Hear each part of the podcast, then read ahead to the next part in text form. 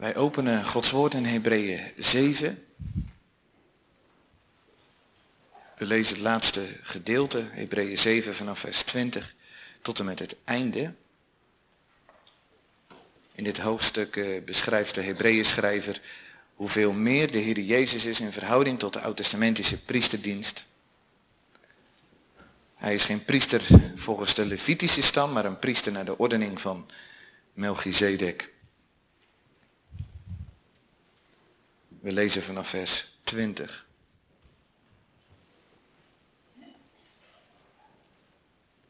Hebreeën 7 vanaf vers 20 tot het einde. En voor zoveel het niet zonder eedswering is geschied, want genen zijn wel zonder eedswering priester geworden, de Levitische priesters. Maar deze, de priester naar de ordening van Melchizedek, is met eedswering door dien die tot hem gezegd heeft, de Heere heeft gezworen en het zal hem niet berouwen, gij zijt priester in der eeuwigheid naar de ordening van Melchizedek.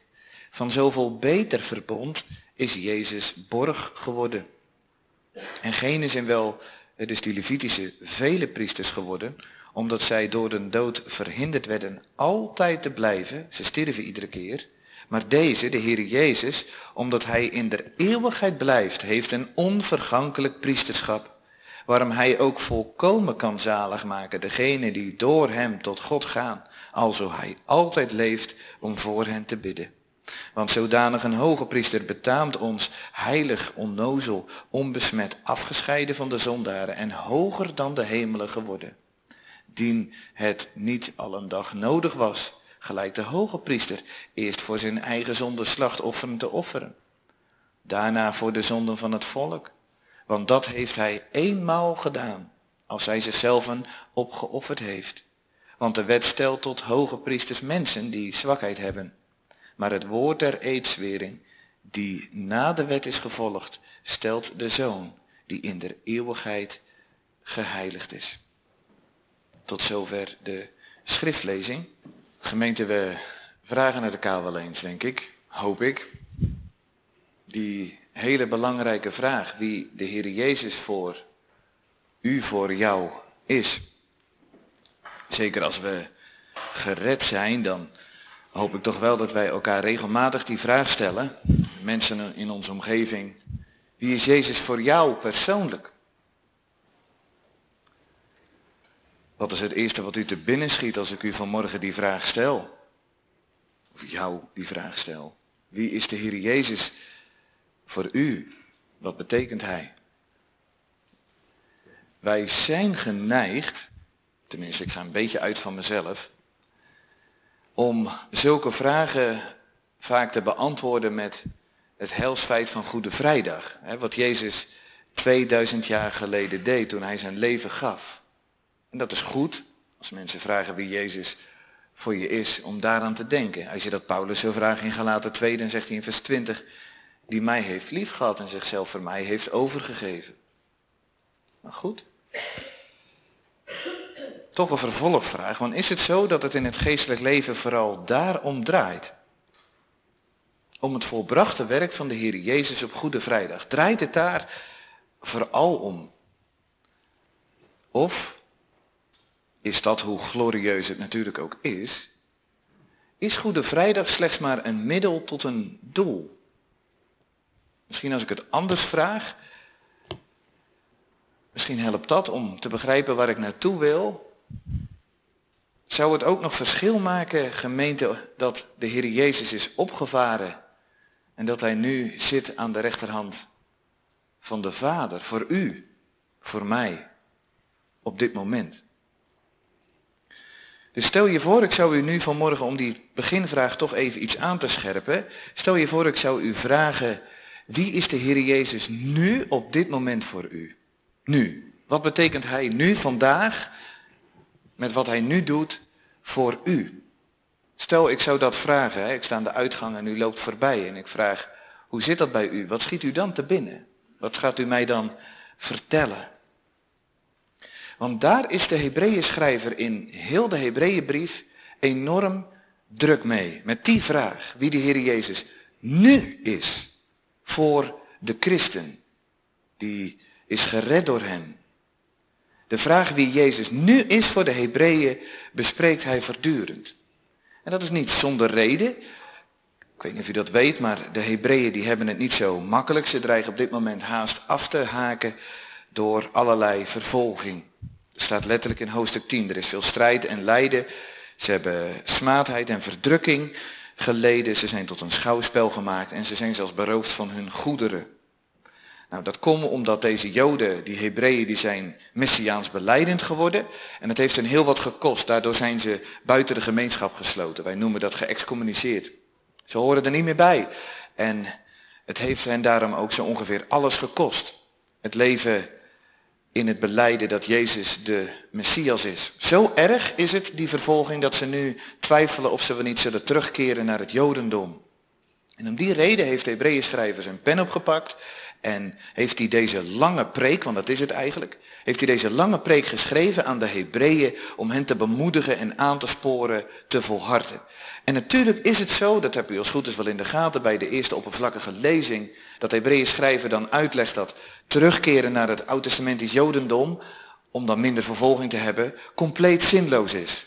En nu de Heer Jezus is gekomen, zijn al die schaduwen voorbij. Hij heeft ze vervuld en ja, terugkeren kan daarom niet meer. Er is een drempelmoment geweest in de helsgeschiedenis.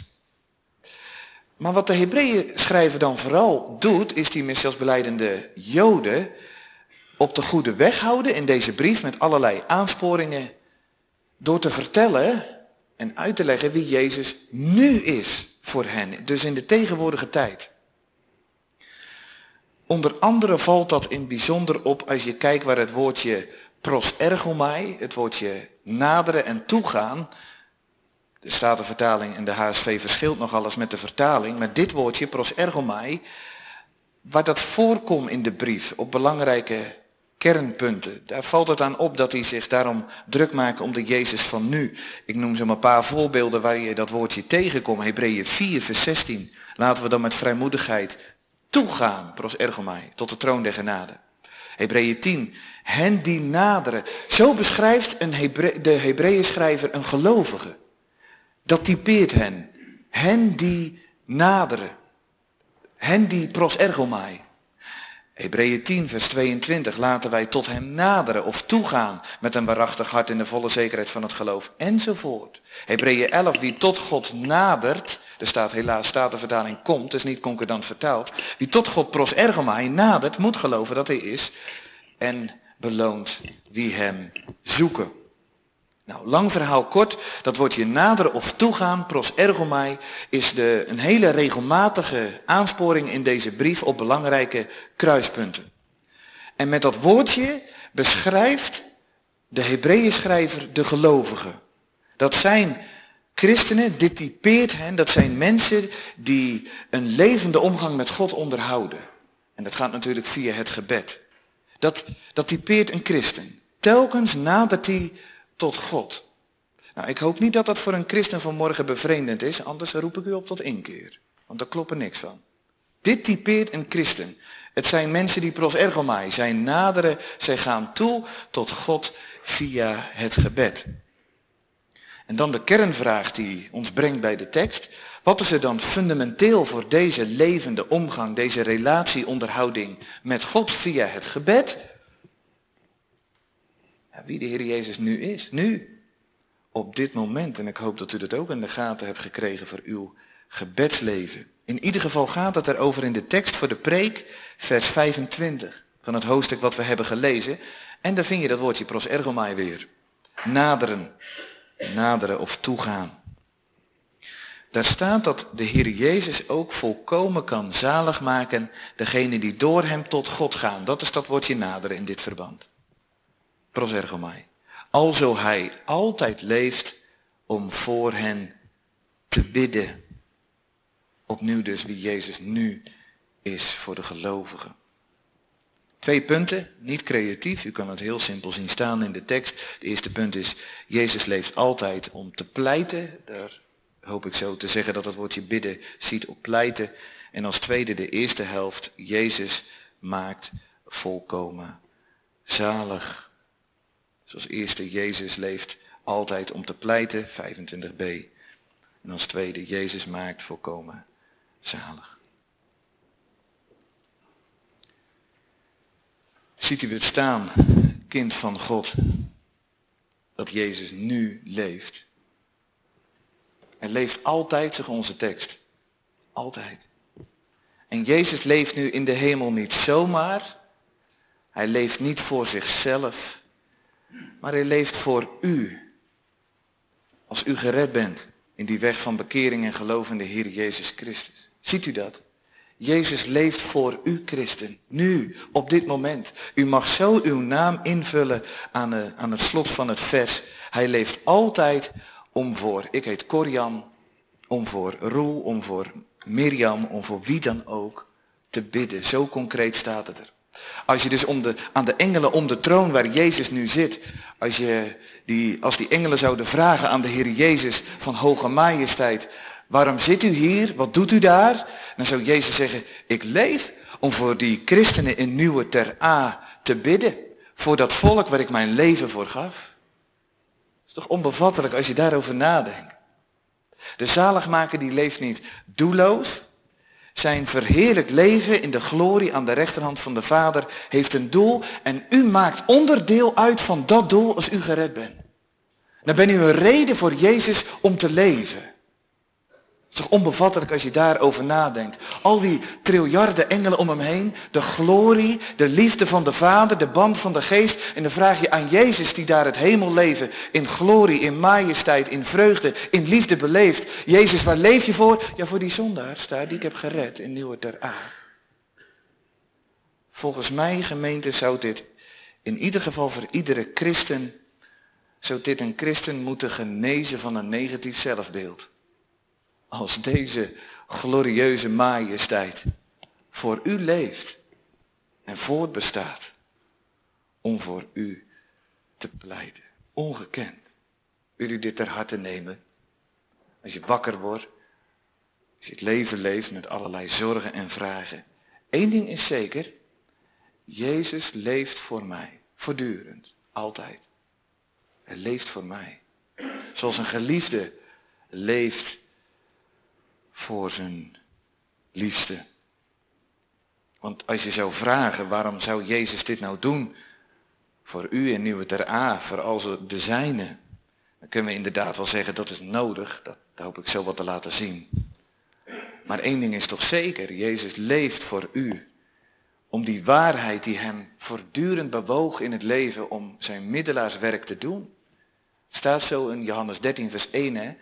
Alzo hij de zijnen die in de wereld waren lief gehad had, zo heeft hij hen lief gehad tot het einde. Of, mag ook vertalen, tot het uiterste, tot de diepte van het kruis.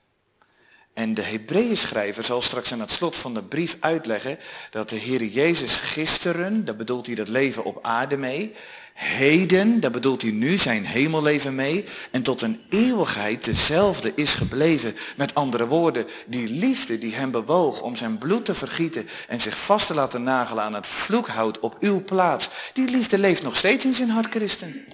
Die liefde beweegt hem om voor u te leven en te pleiten. Zoals Jezus op aarde de, de zijne vurig lief had, zo heeft hij ze in de hemel vurig lief, iedere seconde van hun bestaan. Zoals zijn hart klopte tot het welzijn van al de zijnen en alles in zijn leven hem daartoe bewoog en aanspoorde, zo is dat net zo nog in de hemel. Nog steeds is hij even hartelijk verbonden met al zijn broeders en zusters op deze wereld, terwijl hij nu in de hemel leeft, in het hemelse heilig der heiligen, om voor hen te pleiten. Het is ontroerend als je dat realiseert. Broeders en zusters, daar leeft hij voor. Hebreeën 2 staat dat er letterlijk. Hij schaamt zich niet om al diegenen die hem volgen, broeders en zusters, te noemen. Dus vers 25 onthult Christen een biddende Heer Jezus. En dat laat zijn hart zien. Nooit vergeten. Dat laat zijn hart zien vol liefde, trouw, gericht op uw welzijn. Wil u iedere dag in die liefde wandelen, Christen? Die liefde die u niet kan uitblussen en die liefde die alles overwint, zodat u voor eeuwig zijn liefde zal genieten. Wil u daarbij blijven en die niet verdenken? Maar goed, dan toch die vraag. Wat is dan dat pleiten, dat bidden wat Jezus nu doet? Dan moeten we denken aan drie partijen. Allereerst God de Vader en dan de Heer Jezus daartussenin en dan wij, die mensen die gevallen zijn. Drie partijen veronderstelt dit woordje. En wat de Heer Jezus doel is tussen beide treden, tussen God en die mensen. En hij voert pleidooi voor die mensen, in naam van die mensen, bij God. Onze jonge vrienden kunnen dat misschien wel voorstellen.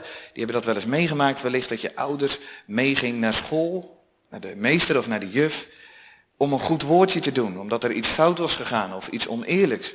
Dan kwam je papa of mama, die kwam mee om naar de meester of juf te gaan en te vertellen hoe het zat en hoe het zou moeten zijn. Nou, zo mag je hier een beetje de Heer Jezus zien. Hij heeft werkelijk, net als je ouders, een bloedband met zijn kerk, met al degenen die gered zijn met zijn broeders en zusters. En letterlijk een bloedband. Hij gaf zijn bloed daarvoor en door het geloof is er een onverbrekelijke band. En wat hij dan doet, is net als je ouders bij de meester of juf, doet hij hier een goed woordje. Als je het heel simpel zegt. Hij doet een goed woordje bij God de Vader voor hen. Feitelijk stapt hij als het ware voor hen in de bres. Hij gaat er tussenin staan en hij bemiddelt ten goede bij God de Vader voor de zijne. Nou, als we dit plaatje helder hebben, die drie partijen, Jezus tussen beiden, dan roept dat natuurlijk de vervolgvraag op waarom dit nodig is. Je zou kunnen zeggen, ik weet niet of u dat wel eens hebt gedacht, maar ik dacht dat zo in de voorbereiding, een geredde zondaar is toch gerechtvaardigd gemeente. En dan ben je vrijgesproken van schuld en straf. En dan ben je gerekend als Jezus volmaakte leven. waarom moet er dan nog voor mij gepleit worden? Bedoel, je bent toch gerekend als Jezus leven? Nou, en je zou daarbij nog kunnen bedenken, wat is dat dan? Hè? Een goed woordje doen, hij staat er tussenin. Betekent dat dan dat de Heer Jezus, God de Vader, op andere gedachten moet brengen of zo? Lastig. Nou, ik wil eerst even die eerste vraag beantwoorden. Want ja, inderdaad, een christen is gerechtvaardigd. En tegelijkertijd zien we dat Jezus hier moet pleiten, dat dat nodig is. Moeten we even dit begrijpen. Het is waar, iedereen die met een waar geloof één is met de Heer Jezus, die heeft bij God de status als gerechtvaardigd. Vrijgesproken van schuld en straf en gerekend als Jezus, Jezus volmaakte leven. Dat, dat is een feit. Maar let op, dat is wel in Christus. Dat is wel op basis van toerekening. Het ligt buiten u in Hem. En als je dan realiseert wat Jacobus 3 zegt, dat een christen iedere dag in die herstelde relatie met God door Christus, iedere dag struikelt. En je, stel je, en je weet wat de Bijbel bijvoorbeeld in Habakkuk zegt, dat God er rein is van ogen om het kwaad te zien. Ja, hoe kan je dan, terwijl jij de struikelaar een relatie probeert te onderhouden dagelijks met die God die in Christus een vader is geworden, ja, hoe kan hij dan omgaan met dat struikelende mens? Waar voortdurend zonde in het leven zijn. Hij die volkomen heilig is. Hoe gaat dat dan? Een relatie onderhouden met God via het gebedsleven. In het leven van de heiliging. Nou, daar gaat het hier over in vers 25. Dat heeft alles te maken met wat een christen heeft aan Jezus nu op dit moment. Wat Jezus dan doet is zijn volbrachte werk toepassen in het leven van de christen. Bij God. Als ik het iets technischer zeg, dan komt het hierop neer. Maar dan verbind ik het aan de helsfeiten. Probeer het even samen vast te houden. Let op. Op Goede Vrijdag bracht de Heer Jezus het volmaakte offer. En op de paasmorgen keurde God de Vader dat offer, offer als volkomen goed toen hij zijn zoon opwekte uit het graf. Een poosje later nam de Heere Jezus dat goedgekeurde offer mee naar het hemelse heilige der heiligen op hemelvaartdag. Daar heeft de Hebreeën schrijver al wat inkt over geschreven. Gaat hij nog meer doen in hoofdstuk 9. Wat de Hebreeën schrijver laat zien is dat op hemelvaart de Heere Jezus, net als die hoge priester op de grote verzoendag, die schaal met bloed meenam, zijn offer. Dat nam hij mee achter het voorhangsel. Dat is hemelvaart in Hebreeën. Dan gaat de Heer Jezus met die schaal met bloed, net als op de hoge, op de grote verzoendag die hoge priester achter het voorhangsel in het hemelse heilige der heiligen naar God. En let goed op, sinds hemelvaart is het grote verzoendag volgens de Hebreeën schrijver. Tot de wederkomst. Dus op dit moment, net als op dat ene moment ieder jaar van de, eh, van eh, de grote verzoendag, op dit moment is het nu het hele kerkelijk jaar vanaf hemelvaart tot de wederkomst, grote verzoendag, zegt de Hebreeën schrijver. En er zit Jezus in het heilige der heiligen met zijn bloed. Net als die hoge priester. Met zijn werk. Totdat hij terugkomt. En op dit moment, achter dat voorhangselgordijn, staat hij daar met zijn bloed en pleit hij als de hoge priester voor u. Als u een christen bent. Hij laat zijn volbrachte werk wat hij ter hande heeft, dat laat hij iedere met zonde bevlekte seconde raken. Dat gebeurt er feitelijk. Iedere met zonde bevlekte seconde past hij dat werk van hem toe, zodat God de Vader in de hemel al die seconden geen principiële reden hebt om uw leven af te keuren of om u weg te doen van voor zijn oneindige heiligheid. Dat heeft u nu aan de Heer Jezus Christus. Nog een keer, waar mij dus morgen zonde aankleven, ik moet het beleiden met de dichter, ik ben niet rein van hart en wandel.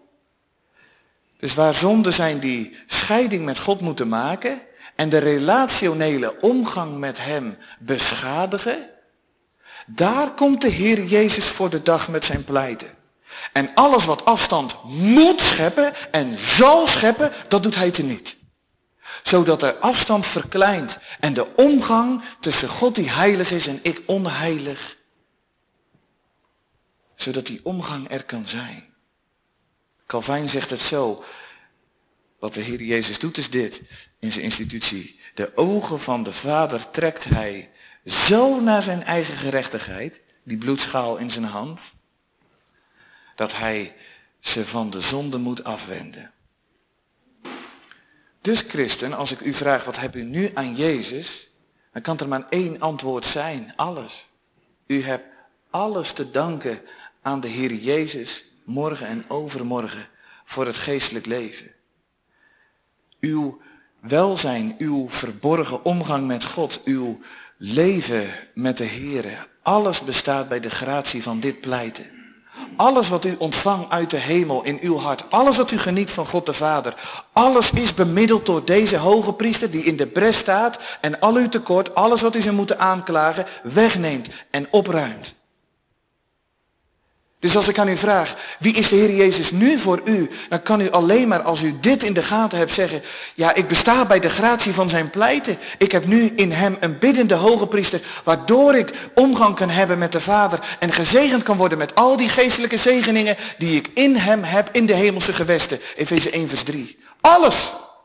Alles. Is dat niet een reden om hem iedere dag te danken? Is het niet een reden om God de Vader te danken dat u door Christus geniet, wat nu al de inhoud is van het eeuwige leven. Dit is het eeuwige leven, dat ze u kennen en Jezus Christus die u gezonden hebt. Johannes 17 vers 3. En ook dat als dat bevreemdend is en dat niet proeft en smaakt naar de hemel, roep ik u op tot inkeer christen, want dan klopt er iets niet. Dit is het hoogtepunt van de verzoening. Terug te mogen naar het vaderhart. Mijn schepper weer te genieten als een schepsel hersteld in eer. Maar nu dringt een andere vraag zich op. Want dat, dat lijkt toch wel een beetje, als je zo, ja, net als die schoolmeester of juf, hè, een goed woordje doen, dan lijkt het net alsof God de Vader soort van onwillig is. Hardvochtig, of in ieder geval zich afstandelijk verhoudt tot zijn kinderen. Is dat zo? Moet de Heer Jezus Vader op andere gedachten brengen als hij pleit? En dan moeten we even om die vraag te beantwoorden twee dingen onderscheiden. Aan de ene kant is het gewoon een feit dat God moet en zal toren richting al het grensoverschrijdend gedrag van zijn schepselen. Alles wat hem niet verheerlijkt, alles wat zichzelf bedoelt, daar moet hij tornen totdat die toren tevreden is gesteld. Dus er kan geen recht, vrijspraak zijn als de wet niet in zijn recht wordt gehandhaafd. Dat is één, dat is wat de catechismus leren in de eerste zondagen. Er kan geen mens in de gunst van de rechter van hemel en aarde hersteld worden zonder dat er genoegdoening is. Dat klopt. Maar dan nu de andere kant. Om even die vraag te vast te houden. Moet God dan op andere gedachten gebracht worden? Wat deed God uit zichzelf bewogen? En dan zien we gelijk dat hij echt niet op andere gedachten gebracht hoeft te worden. Want God was zo vol liefde, vrije liefde, dat hij zelf zijn recht van zijn wet wel zijn vrije beloop liet gaan, maar niet op u, christen. Hij nam zijn enige Isaac, zijn geliefde, en legde die op het altaar om daar op zijn enige geliefde zoon uit pure liefde het recht van de wet zijn vrije beloop te laten hebben. Dus hij moest zijn eigen liefde slachten volgens de wet. En het liefde deed hij dat op Goede Vrijdag. Ziet u het voor u, het mes van Abraham? En er was niemand die riep toen Jezus als Isaac werd geslacht. En daar bleef de liefde niet bij die God daartoe bewoog. Wat de Heer toen ook deed uit liefde, was de Heer Jezus opwekken en hem plaatsen aan de rechterhand van hemzelf. Uit liefde. En toen gaf hij hem het ambt van hoge priester, omdat hij als de Godmens de enige was die de bevoegdheid kon hebben om mensen te representeren bij hem als God, om mensen te vertegenwoordigen. Gaf hij dus de zoon aan de rechterhand de positie, omdat hij de enige was als Godmens die bevoegd was. En dat deed hij uit liefde, dat hij hem daar zette, omdat hij omgang met u verlangt. Omdat hij heel graag wil dat u zijn liefde ervaart en dat zijn liefde hem kan bereiken. Zonder zijn recht, zonder zijn heiligheid tekort te doen. Dus als we dit snappen, snappen we natuurlijk ook dat het onzin is dat de Heer Jezus, God de Vader, in al het pleiten op andere gedachten hoeft te brengen. Net als die vader van de verloren zoon verlangt naar de omgang met zijn afgedwaalde schepsels. Verlangt God de Vader niet alleen dat zondaars bij hem komen, maar zeker dat al zijn kinderen zich koesteren in zijn uitgestrekte armen. Milde handen, vriendelijke ogen zijn er bij hem van eeuwigheid. Maar juist zodat die liefde die er leeft in zijn hart u kon bereiken, was het nodig dat de Heer Jezus die plaats aan zijn rechterhand innam als hoge priester om alles wat scheiding maakt weg te nemen. Om dat wat u doet, wat vaders hart als het ware toesluit en toemuurt, weg te nemen en te ontsluiten, zodat u dagelijks u kan koesteren aan het liefdevolle vaderhart. Dat gebeurt er. Jezus verandert vaders hart niet. Hij zorgt dat we bij vaders hart kunnen komen. Ziet u het voor u? En het feit dat hij dat doet, ambtshalve, in naam van de Vader die hem daar heeft gepositioneerd, vertelt er wat er leeft in het hart van Vader. Hij wil graag dat u via het gebed omgang hebt met hem. Dolgraag ziet hij u iedere dag als zijn kind komen. En daarom zet hij Jezus daar, om alles wat dat verhindert en scheiding maakt, te niet te doen en weg te nemen. Ziet u het voor u? Ziet u achter die hoge priester ook nog eens het vaderhart, waar u toe nadert als u hem aanroept in het gebed. Ziet u het voor u? Nou haast ik me verder, want anders gaat het niet goed met de tijd, dat zie ik nu al. Als u dit maar even helder hebt, dan wil ik nog een paar toepassingen maken. En dan gaan we gauw naar het volgende punt. Allereerst dit.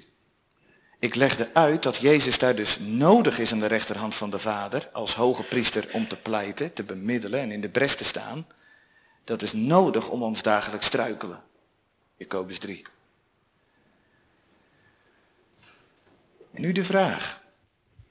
Heb u een beetje in de gaten, christen, wat dit betekent? Ah, ik viel echt van mijn stoel. Weet u wat dit betekent? Dat God de Vader in de hemel en de Heer Jezus aan zijn rechterhand als hoge priester op dit moment ervan uitgaat dat u inderdaad concreet zondigt. Daar gaan ze in de hemel van uit. Want anders had de Heer Jezus er helemaal niet nodig geweest als pleitende hoge priester. Hadden ze hem wel pensioen kunnen geven. Want ja, die christenen zijn zo netjes, die hebben geen hoge priester nodig in Nieuwe Tera. Heb je het in de gaten? In de hemel gaan ze ervan uit dat u een struikelaar bent, concreet zondigt. Dus als u uw struikelen, uw, uw geesteloosheid of wat dan ook verbaast, dan bent u minder realistisch dan die mensen daar in de hemel. Sorry, dan God in de hemel. En ook minder realistisch dan de engelen, want die snappen het. Die zien Jezus daar zitten aan de rechterhand van die vader. En die engelen die realiseren dat zich, ja dat is nodig voor die struikelaars in Nieuwe Ter A. Dus u mag u zelf voor de gek houden in het geestelijk leven. Maar de engelen kan je niet voor de gek houden. Die Jezus zien pleiten. Jezus zelf niet en de Vader niet. Die Jezus er zetten. Om te pleiten voor wat? Er wordt in de hemel van uitgegaan dat u dagelijks zal zondigen. Wil u dan alsjeblieft er ook van uitgaan, christen? Niet om het goed te praten. Niet om het te gedogen. Maar om heel de dag maar een klein beetje nederig te blijven. Want u hebt een hoge priester nodig. Een vernederend feit. Kom het maar niet te boven. En wees eerlijk, Paulus noemt zich in de tegenwoordige tijd de grootste zondaar. Toen was hij al lang bekeerd. 1 Timotheus 1. En dan het vreemde. In de hemel gaan ze ervan uit dat ik zondig en ik doe het nog ook. En wat verandert er dan in de hemel in het hart van Jezus? Helemaal niets. Helemaal niets, christen, als u zondigt, verandert er iets in het hart van Jezus als hoge priester. Hij leeft altijd om voor hen te pleiten. Tegenwoordige tijd, duratieve vorm. Dus wat er gebeurt is, als u braaf bent, dan pleit hij. Maar als u verre van braaf bent, begint hij harder te pleiten, want dan moet hij weer noodzakelijkerwijs zijn offer toepassen op al die zondige seconden. Ziet u, u het voor u? Dus al dat verdrietige en verkeerde beweegt Jezus juist veel harder om te gaan pleiten voor u. De zonden veranderen niet zoveel in zijn hart. Andersom. Zondigen maken dat zijn hart zo bewogen is en verder open gaat, dat hij drukker begint te pleiten om zijn werk toe te passen. Dat denkt u, hè? Als u slecht bent, dat de Heer Jezus dan minder van u houdt. Dat is niet waar. Dat leert de duivel. Zijn hart gaat vol ontferming, wijder open en hij treedt tussen beiden en dan zegt hij, Vader, u hebt toch mij gestraft, u straft toch maar één keer, u bent toch rechtvaardig, het is toch genoegzaam, ook voor deze zonde. Dan pleit hij. Wil u dat nooit vergeten, christen? Want de duivel wil veroorzaken dat u denkt dat de Heer Jezus harde gedachten koester richting u, omdat u zo struikel regelmatig. En hier staat, hij leeft altijd om voor u te pleiten, met andere woorden, zijn hart blijft openstaan, is onveranderlijk, liefdevol betrokken op uw welzijn. En als u er zeer ziek aan toe bent in geestelijke omstandigheden, is Jezus net als een goede ouder dat ook voelt bij een ziek kind, is hij zo geraakt. Dan zegt hij, oh die is nog dieper gezonken dan diep. Nou gaat mijn liefde nog dieper dan die diepte om daarvoor te pleiten. Ziet u het voor u? Geen vromigheid dat u denkt dat Jezus meer van u houdt dat u braaf bent. Hij houdt ook van u zoveel dieper dan u kan wegzakken. En dan pleit hij. Doet u niet meer tegenzin. Te zijne lief. Tot het einde. Zullen wij dan zondigen dat de genade er meer worden? Bekeer u als dat een gevolg zou zijn van deze liefde. Deze liefde zou ons in trouw moeten motiveren om zo rein en heilig mogelijk te leven voor deze hoge priester. Maar zo wij uit somtijds in zwakheid in zonde vallen, moeten we aan zijn genade niet vertwijfelen over met wij een eeuwig verbonden genade hebben. Dat. Nu kom ik echt tijd tekort, maar goed, we gaan gauw verder naar het volgende punt. Maar goed onthouden, hè? u blijft zondaar en Jezus blijft van u houden. En hij leeft om, voor u om te pleiten omdat hij van u houdt. En wat drie dingen geleerd.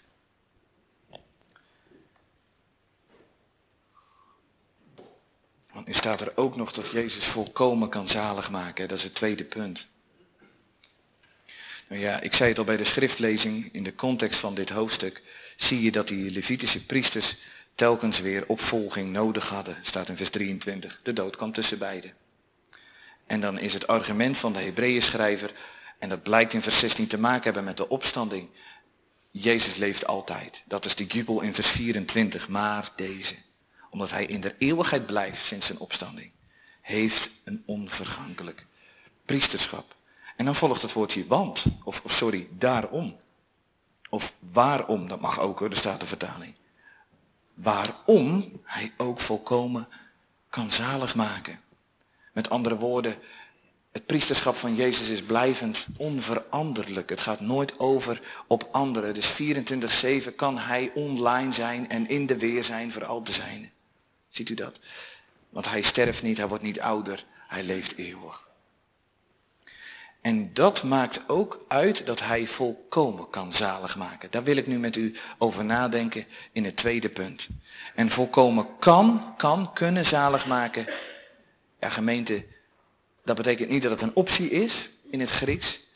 Maar het woordje kunnen in dit verband betekent volkomen zekerheid. 100% zeker kan hij dat. Dat moet u even begrijpen. Dus het is 100% zeker dat Jezus, omdat hij altijd leeft en een onvergankelijk priesterschap heeft, volkomen zalig maakt. Nou, voordat ik vertel voor een christen wat dit betekent, wil ik ook deze zinnen onderstrepen voor iemand die nog niet gered is vanmorgen. Ook jullie jongens en meiden die nog wat jonger zijn en misschien nog niet goed in de gaten hebben wat je nu aan Jezus kan hebben.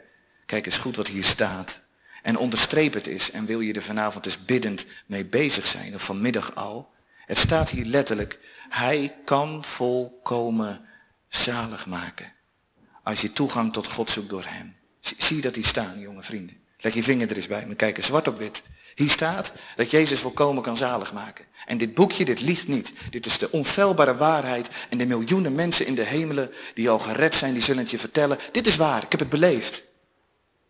Wil een onbekeerde christen, wil die hier werk van maken dat dit waarheid wordt. Want het staat hier en in de hemel staan alle bewijzen ervan dat Jezus volkomen zalig maakt.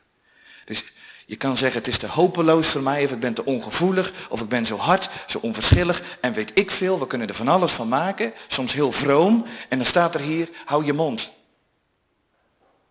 Loop niet zo te redeneren met je ongeloof. Hij maakt volkomen zalig. Beledig Jezus niet. Het is geweldig evangelie voor iemand die nog niet bekeerd is. Het is juist zijn werk om er alles aan te doen wat je niet hebt. Dus je kan duizend brieven schrijven van om die redenen kan het allemaal niet en lukt het allemaal niet en zal het allemaal niet. Je kan er kilometers lange papieren van vol schrijven en zegt Jezus, precies, het is mijn ambtelijke bediening om dat te doen. Geen excuses. Iedereen kan zalig worden om deze woorden. Hij kan volkomen zalig maken. Maar ga dan door hem tot God. Ga dan niet door je mooie gebeden, door je levensverbeteringen, door je goede voornemens tot God. Toe nou. Eén weg. Jezus. Nou goed, gaan we gauw door wat dit betekent voor een geredde zondaar. Maar, maar denk erover na als je niet gered bent. Hè. Het kan echt voor iedereen. Die hoge priester was toch geïnstitutionaliseerd. Moeilijk woord.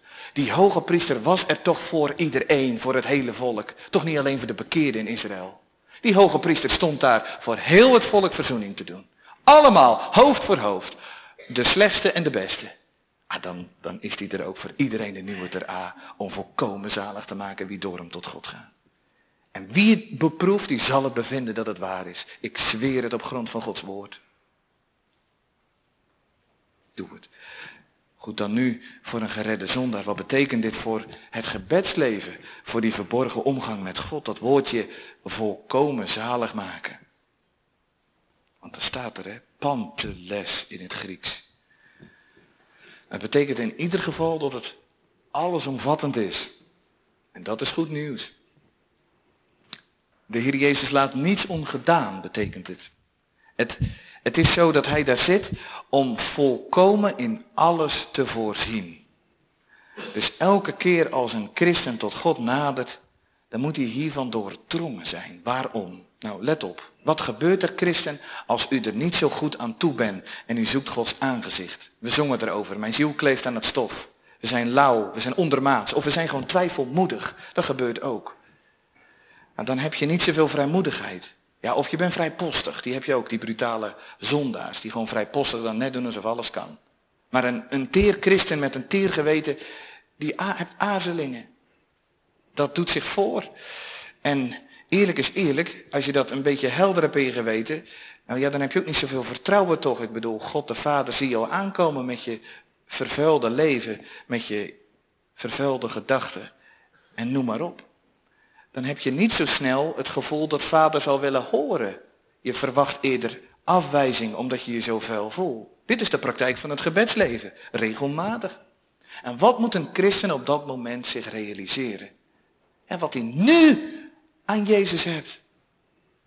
Mijn medelijdende hoge priester leeft altijd om voor mij te pleiten en hij kan volkomen zalig maken die door hem tot God gaan. Wacht even, dat betekende ook alweer volkomen zalig maken, alles omvattend. Dus ik voel me nu lauw, oh dan kan hij ook dat zalig maken. Kan ik zo toch door hem tot de Vader gaan? Ja, maar ik voel me nu twijfelmoedig. Oh, maar hij kan toch volkomen zalig maken wie door hem tot God gaan? Ja, maar ik voel me een beetje zo, zo aardsgezin en ziel kleeft aan het stof. Nou en hij kan volkomen zalig maken die door hem tot God gaan. Leeft altijd om voor hen te pleiten. Dus wat moeten we doen? Is zien wat wij nu aan Jezus Christus hebben. Voor een levende omgang met God, die gepaard gaat met vertrouwen, met vrijmoedigheid. Eerder is het vrijpostigheid en toch twijfelmoedigheid. Ziet u het voor u? Dat is nodig, dat we kouwen op dat woordje volkomenlijk zalig maken. Panteles, allesomvattend. Maar dat is de eenvoudige les voor die woordjes volkomen zalig maken. Niet de tranen die ik pleng, niet de offers die ik breng, kunnen volkomenlijk zalig maken. Dat kan u alleen, hoogpriester. En als u uzelf vromer voor gaat doen, of uw leven heel mooi in orde probeert te maken met compensatie, dan zeg ik u dat u Jezus als hoge priester op het hart trapt. Alsof dat volkomen werk wat hij in handen heeft om voor u te pleiten en toe te passen op uw leven, tekort zou schieten. Alsof hij niet volkomen kan zalig maken. Haal het uit uw hoofd om te gaan compenseren. Er wordt geen bijdrage in de hemel verwacht. Bij dat volbrachte werk wat Jezus in handen heeft. Hij leeft om volkomen te pleiten. Panteles heeft nog een andere kant qua betekenis, niet alleen allesomvattend, maar ook altijd. Heb je in het geestelijk leven bijna hetzelfde aan, maar in ieder geval moet u toe beseffen bij dat woordje altijd kan zalig maken, dat in vruchtbare en onvruchtbare tijden betekent dat Jezus voorziet en kan zalig maken. Hij is permanent daar en je hoeft naar niets of niemands anders de toevlucht te nemen. Mooie. Kan je kinderlijk leven en kinderlijk omgaan met God de Vader. In plaats van vanuit slaafse vrees uw beste beentje voor. Of vader denken te bewegen. Of allerlei voornemens te moeten uitspreken. Of mooie, mooie talen Kanaans gebedswoorden. Laat het uit uw hoofd. Hij kan volkomen zalig maken. Wie door hem tot God gaan. Dat betekent een relatie met God de Vader onderhouden door het gebed. Allesomvattend. Weet je wat dat betekent, christen? Nooit zal er een rekening gepresenteerd worden die u nog zal zelf moeten voldoen. Dit woordje volkomen betekent, nooit zal die verrassing zich voordoen. Dat u denkt, ik moet nog eens een en ander goed gaan maken. Of in orde brengen. De lelijkste fouten. De meest duistere plekken. Jezus kan dat zalig maken. En misschien moet iemand dat vanmorgen nadrukkelijk horen. En dan bedoel ik deze persoon, die ook meeluistert of hier is, die allerlei verborgen schaamtes heeft. Verborgen dingen waar hij zich voor schaamt. Waar hij zich ontzettend mee in de verlegenheid voelt. Dingen die je eerder in je isolement drukken. In stilte die je met niemand, zelfs je vrouw, niet durft te delen. Misschien wel bepaalde gedachten. Misschien wel een hele schadelijke ervaring. Misschien wel allerlei angsten waar je gewoon niet mee voor de dag durft te komen. Er zijn wat dingen in het leven waar mensen mee worstelen. Heel wat dingen.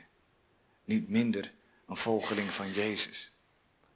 Wat u nu moet doen vanmorgen is dat woordje volkomenlijk ter harte nemen. En dat waarvoor je schaamt, dat wat je alleen maar voor jezelf houdt en waar je van denkt, het is te gek om dit onder woorden te brengen. Dat ik dit moet zeggen. Of doet te zeer. Of ik schaam me te diep. Ik, ben er zo mee in verlegenheid. Dan moet je dat brengen bij die medelijdende hoge priester. Die leeft voor u. Je moet het brengen bij de Heer Jezus. Die vol liefde is. En die juist dat wat je niet eens zou durven willen zeggen uit schaamte. Uit verlegenheid, uit pijn. Uit zwakte. Moet je dat bij hem brengen. Er zijn wel duistere plekken in mijn hart. Er zijn wel duistere plekken in uw hart. Waar je niemand over durft te vertellen. Jezus wil het zaligen. Hier staat het zo, hè. Hij, 100% zeker dat hij dat kan zaligen. Daar is hij voor. Gebruik hem dan ook. Dat is Christus verheerlijken. Dat we gebruik maken van dit zaligmakende werk. Breng uw angsten, uw zwakte, uw schaamtes, uw boezemzonden bij hem. Blijf er niet mee lopen. Alleen. En nog een toepassing.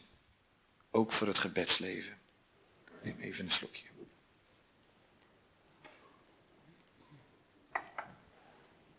Want ik weet niet of u dat wel eens hebt, ik wel. Ik schaam me soms zelfs voor de woorden die ik uitspreek in het gebed. En dat ontneemt mij ook vrijmoedigheid om te bidden. Dan denk ik, ja, die aardse gebeden, hoe kan de hemel, hoe kan God daar zijn oren naar neigen? Heb je dat wel eens? Dat je denkt, dit is toch geen bidden, die klanken die ik uitstamel, dat gestotter hier op aarde. En daar zit de, Heer Jezus ook voor, in de hemel. Nu is hij daarvoor ook in de weer. Wat de Heer Jezus doet als hoge priester als hij pleit, is ook onze gebeden aangenaam maken. Ongeacht hoe u ze hebt uitgesproken, met welke verdenkingen, met welke twijfel, met welke, nou ja, aardse gloed, aardsgezindheid. Ik heb een voorbeeld gevonden bij Spurgeon, dat vond ik weer ergens in openbaring een keer, dat heb ik bewaard. En dat past hier precies bij. Spurgeon heeft het weer van Ambrosius. Moet u horen.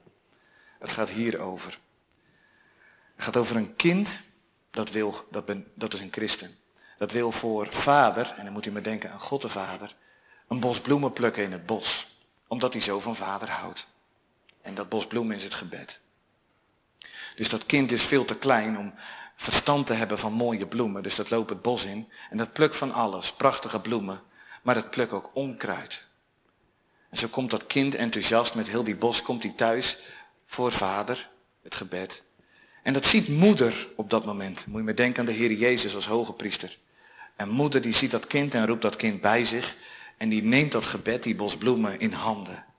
En wat de Heer Jezus dan doet met uw gebed, is al die, die, die bloemen die zo lelijk zijn en dat onkruid eruit halen. En wat die lieve moeder dan ook doet, zodat het boeket prachtig wordt voor vader, is dat ze wat bloemen van zichzelf pakt en die mooi erbij schikt, zodat het nog veel mooier is dan het al was. En dan schikt ze het in plek van dat onhandige bundeltje wat wij ervan maken, schikt moeder de Heer Jezus als hoge priester het in een prachtig boeket. En dan zegt Spurgeon dit, naar aanleiding van dit voorbeeld. Als we een van onze gebeden zouden kunnen zien, nadat de Heer Jezus, die moeder, ze aanpaste, dan zouden we ze bijna niet meer herkennen. Hij heeft zo'n vaardigheid dat zelfs onze goede bloemen mooier worden in zijn hand. Mooi Dat doet de Heer Jezus ook. Dus al dat povere waarvan u denkt, dat komt niet verder dan het plafond, daar maakt de Heer Jezus als voorbidder een prachtig aangenaam gebed van. Hij reinigt het, hij zuivert het en hij brengt het zo bij de Vader. Nu gaan we naar huis. Ik wil u aansporen, christen, om onverhinderd te bidden in Jezus' naam. Onverhinderd. Dat woord is een hele beproeving, iedere dag, maar onverhinderd. Onverhinderd, dat kan nu, hè. Hij kan volkomen zalig maken, omdat hij altijd leeft om voor hen te pleiten. En dan wil ik u deze vraag meegeven. Wie is Jezus nu voor u? U hebt toch alsjeblieft wel een mooi antwoord nu. Als ik u vraag wie Jezus nu voor u is, alsjeblieft. Toch? Oké. Dan mag je dat ook thuis aan uw kinderen vertellen wie Jezus nu voor u is. Want dat enige middel van toen daar, dat is iets te makkelijk. U bestaat bij de gratie van deze biddende voor, hoge priester, aan het hemelhof. Uw oudste broeder, vlees van uw vlees en gebeente van uw gebeente. En vader hoort hem altijd. En daarom wie door hem nadert, die sluit vader in zijn hart. Absoluut. Nog één zin, onbekeerde medereiziger. Ik heb iets gezegd over de rijkdom van wie Jezus nu is voor een kind van God. Wat ben je toch ellendig als je deze hoge priester niet hebt. Kan je bidden, weet je niet of vader hoort. Dan kan je praten en pleiten. Maar wat gebeurt er? Alles wat tegen je moet getuigen, dat is waar. Want je ligt onder Gods toren als je deze hoge priester niet hebt. En het maakt scheiding op dit moment. En het zal eeuwig scheiding maken.